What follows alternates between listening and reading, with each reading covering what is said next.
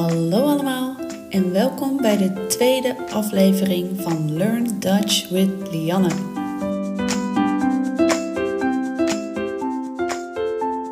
In deze aflevering ga ik het hebben over geboortes en verjaardagen. Tijdens geboortes en verjaardagen zijn er een paar tradities die voor Nederlanders heel normaal zijn, maar voor anderen misschien een beetje vreemd. Laten we beginnen met geboortes. Als er een kindje wordt geboren, dan is het natuurlijk feest.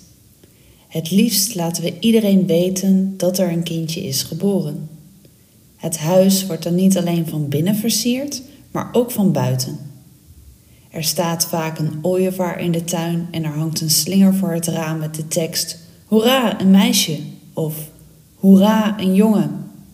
Oké, nu is dit misschien nog niet zo heel gek, maar als je dan op bezoek gaat om een pasgeboren kind te zien, dan trakteren de ouders je vast op beschuit met muisjes. Beschuit met muisjes is een typisch Nederlandse traditie. Beschuit met muisjes wordt in Nederland speciaal gegeten wanneer er een baby geboren is.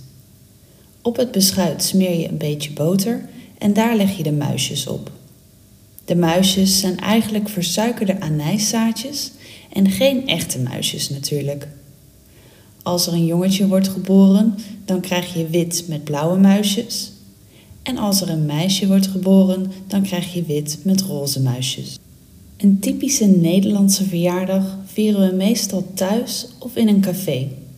We nodigen onze familie en vrienden uit voor een verjaardagsfeestje. De vrienden en familieleden geven de jarige dan een cadeautje en zeggen gefeliciteerd of van harte. Daarna is het heel normaal om de rest van de gasten ook te feliciteren. Je loopt dan even langs bij iedereen en zegt bijvoorbeeld tegen de vader en moeder van de jarige: Gefeliciteerd met de verjaardag van je zoon. Of tegen zijn vriendin: Gefeliciteerd met je vriend. Als er iemand is die je al een beetje kent, dan kun je natuurlijk drie kussen op de wang geven. Ja, je hoort het goed.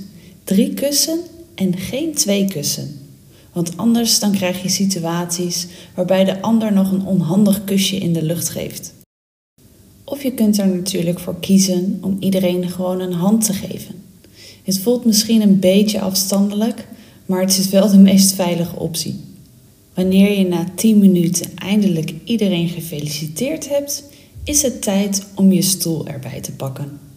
Je kunt nu aansluiten in de grote kring die inmiddels is ontstaan. Als de jarige geluk heeft en het mooi weer is, dan is het feest buiten onder een partytent. Je hebt dan ook de optie om een plekje te veroveren bij een van de vele staattafels. In het midden van de kring staan allemaal lekkere hapjes. De klassieke hapjes zijn borrelnootjes, gevulde eieren, kaasblokjes, verschillende toosjes met lekkere smeerseltjes, misschien wat bitterballen en natuurlijk taart.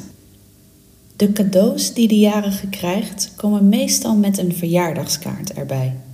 De cadeaus worden dan heel voorzichtig opengemaakt, want als het een mooi inpakpapiertje heeft, dan kunnen we dat natuurlijk bewaren voor een andere verjaardag.